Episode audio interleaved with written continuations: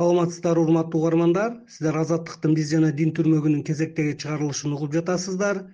Бүгүнкү биздин коногубуз кыргызстан мусулмандарынын аалымдар кеңешинин төрага орун басары теология илимдеринин доктору жаңы түзүлгөн вакф фондунун директору ниязали ажы арипов берүүнү мен канатбек мырзахалилов алып барамын. Биз жана дин. Ниязалы ажы алгачкы сурообузду вакф түшүнүгүнөн баштасак ислам укугу боюнча вакф деген түшүнүк. Өз ичинде эмнелерди камтыйт?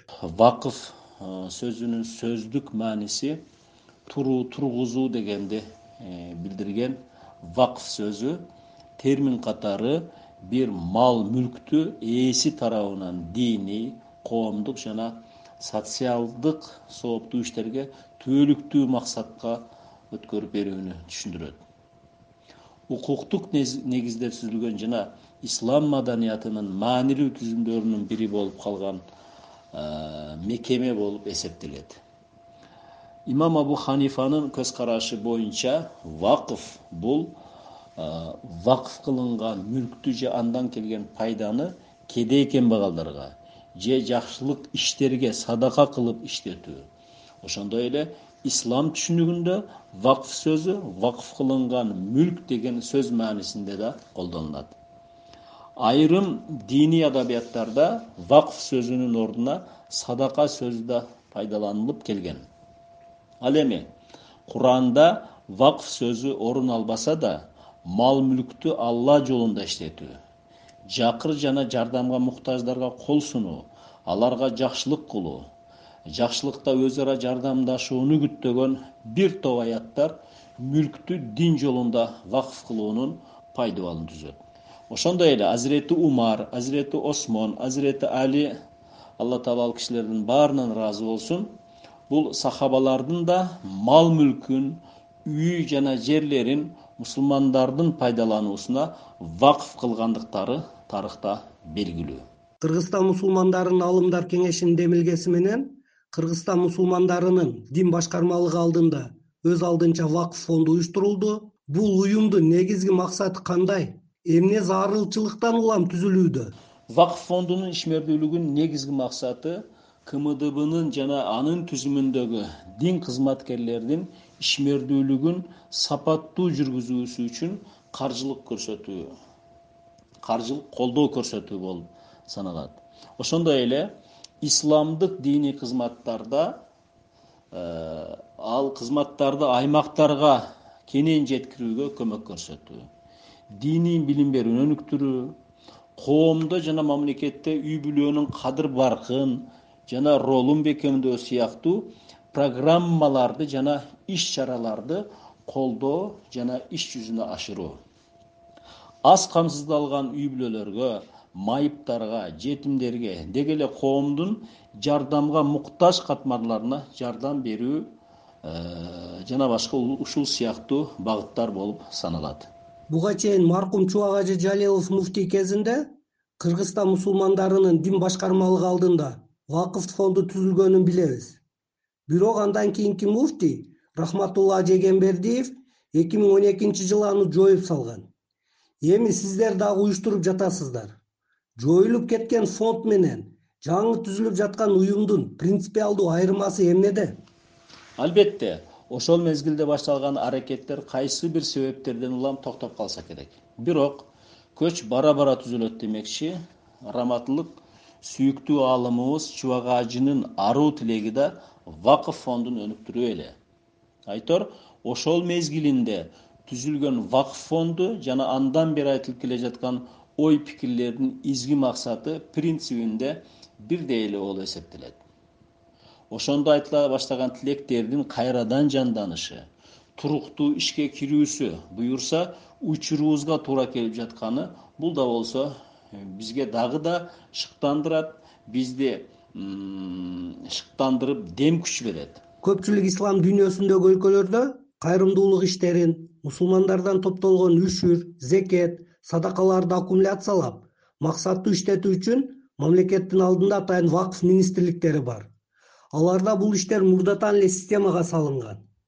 Сиздер ушул фондду түзүп жатканда башка өлкөлөрдүн тажрыйбаларын дагы карап көрдүңүздөрбү бул жаатта бизге жакын өзөктүү үлгү катары туркия дианет вакфы жана ошондой эле египет малайзия мамлекеттеринин вакф системин өнүктүрүү тажрыйбалары менен жакындан таанышып келебиз.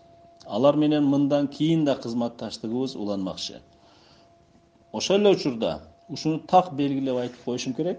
Буюрса бүгүнкү биз түзүп жаткан вакф фондунун негизги кыймылдаткыч күчү кыргызстан мусулмандары жана жалпы коомчулуктун кайрымдуулук колдоолору болмокчу. Анткени муктаждыктарыбызды чечүүдө өз мүмкүнчүлүктөрүбүзгө таяна билсек бул туруктуу жана үзүлбөгөн өнүгүүнү жана дин жаатында да олуттуу реформалык иш чаралардын болушун камсыздайт. Биз жана дин.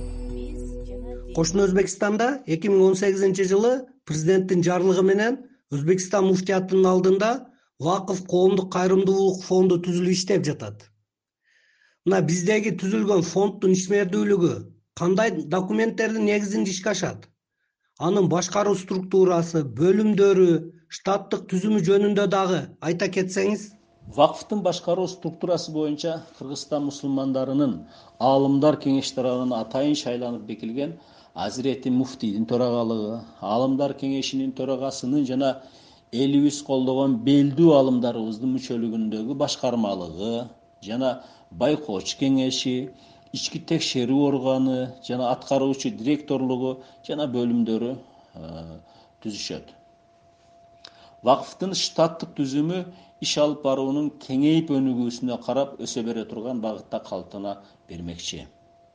Булардын милдет жана жоопкерчиликтерин тескеген өзүнүн уставы жана анын негизинде жоболору болот. Эми мекеме кыргызстан мусулмандарынын дин башкармалыгынын балансына өткөн финансылык жана материалдык каражаттардын агымын иретке келтирүү аларды туура багыт иштетүү болуп саналат. Демек бул жерде акча болот.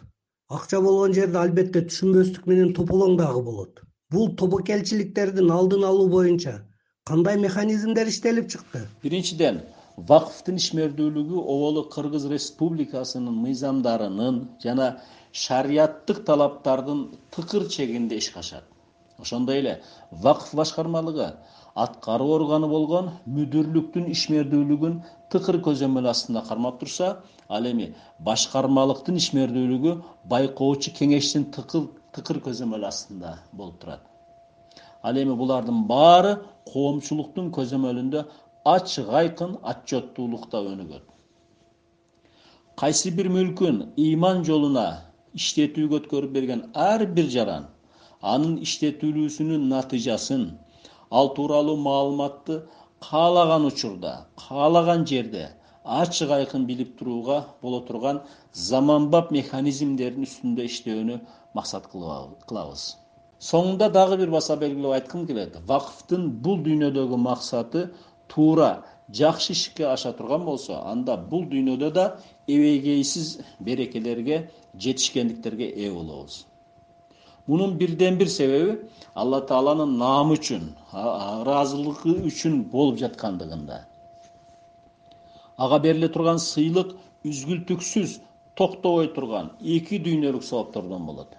Ошондуктан вакфтын түзүлүшү бул канчалаган мусулмандардын эңсегени буюрса алла тааланын жана эли журтубуздун колдоосу менен түптөлүп кетет деген бекем ишеничтебиз биз жана дин урматтуу угармандар сиздер азаттыктын биз жана дин түрмөгүнүн кезектеги чыгарылышын уктуңуздар.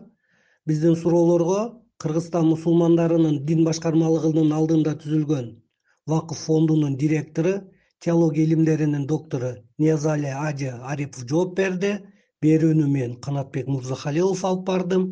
Аман туруңуздар